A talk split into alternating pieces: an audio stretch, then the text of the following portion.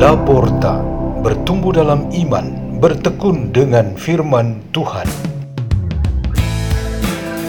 Radio Laporta, pintu terbuka bagimu untuk pertumbuhan pengetahuan dan kebijaksanaan tentang Allah.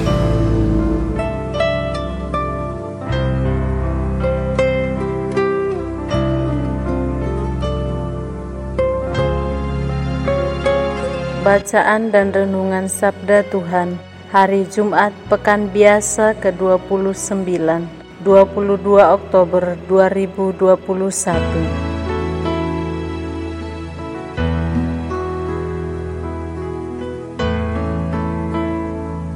Dibawakan oleh Suster Ana OSF dari Komunitas Bangkong, Semarang dan Suster Kristin OSF dari Komunitas Bangkong, Semarang Keuskupan Agung Semarang.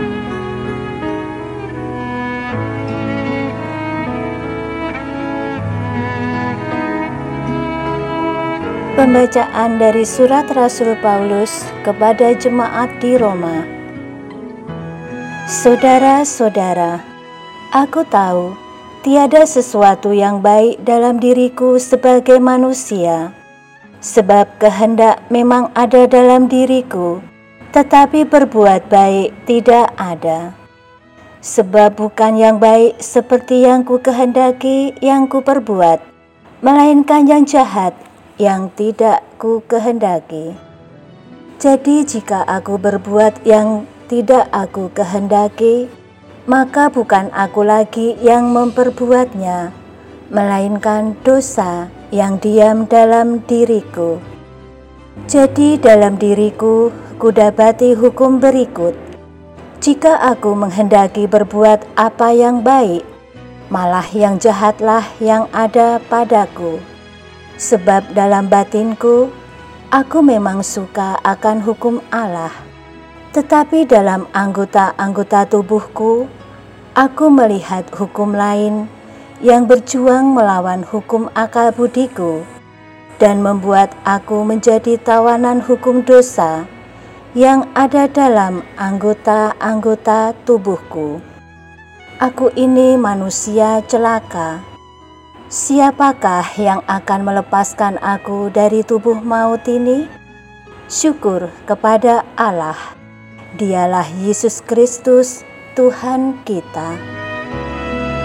Demikianlah sabda Tuhan.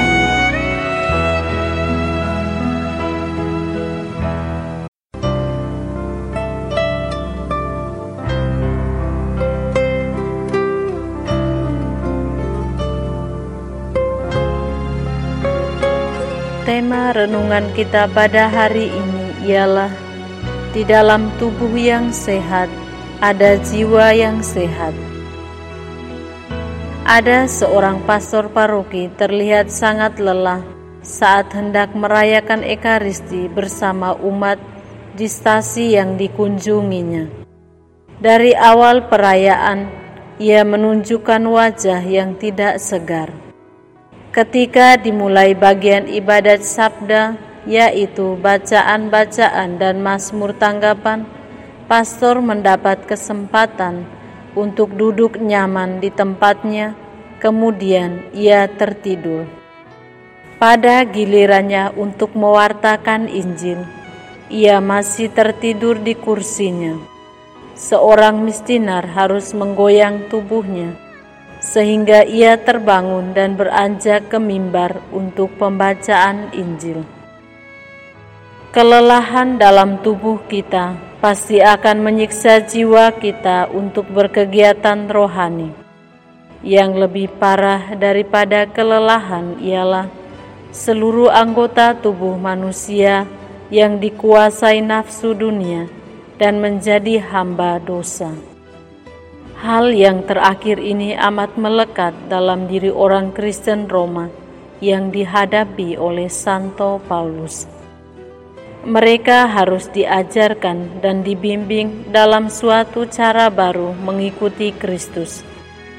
Paulus tegas mengakui bahwa seluruh bagian tubuhnya sangat menyiksa gerakan pikiran dan jiwanya untuk kontak dengan Tuhan. Ia ingin mematikan saja seluruh bagian tubuh itu agar fokus pikiran dan jiwanya hanya kepada Tuhan saja. Menurut Santo Paulus, orang yang sangat berperan dalam pembebasan itu ialah Yesus Kristus dia telah membuktikan dengan mati atas tubuhnya sendiri, tubuh umat manusia yang berdosa, dan tubuh dunia ini yang sudah diselimuti dosa. Maka Paulus ingin mengikuti teladan Yesus Kristus. Dunia kita saat ini memamerkan pornografi sebagai salah satu cara penghambaan tubuh manusia secara masif sebagai sebuah industri.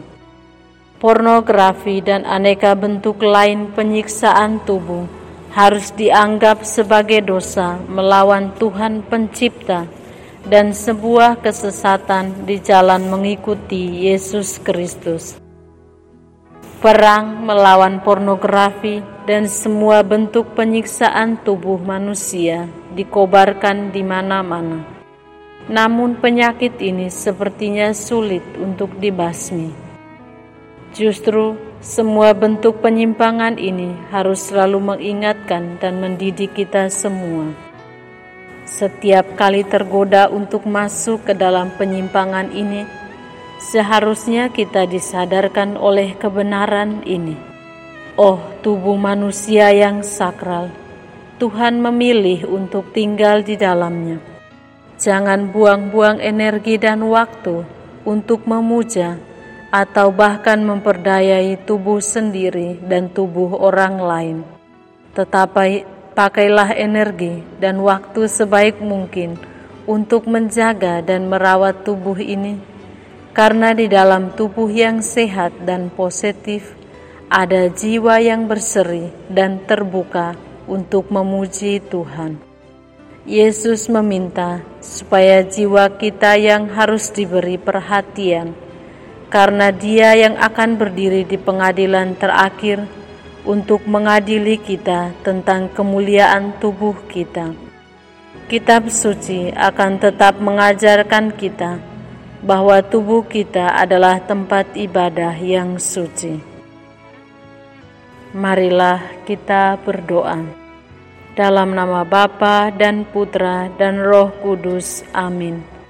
Tuhan Maha Kuasa, tinggallah selalu di dalam diri kami, sehingga hati kami senantiasa mengalami sukacita dan damai sejahtera. Salam Maria, penuh rahmat Tuhan sertamu. Terpujilah engkau di antara wanita, dan terpujilah buah tubuhmu Yesus. Santa Maria, Bunda Allah, doakanlah kami yang berdosa ini, sekarang dan waktu kami mati. Amin.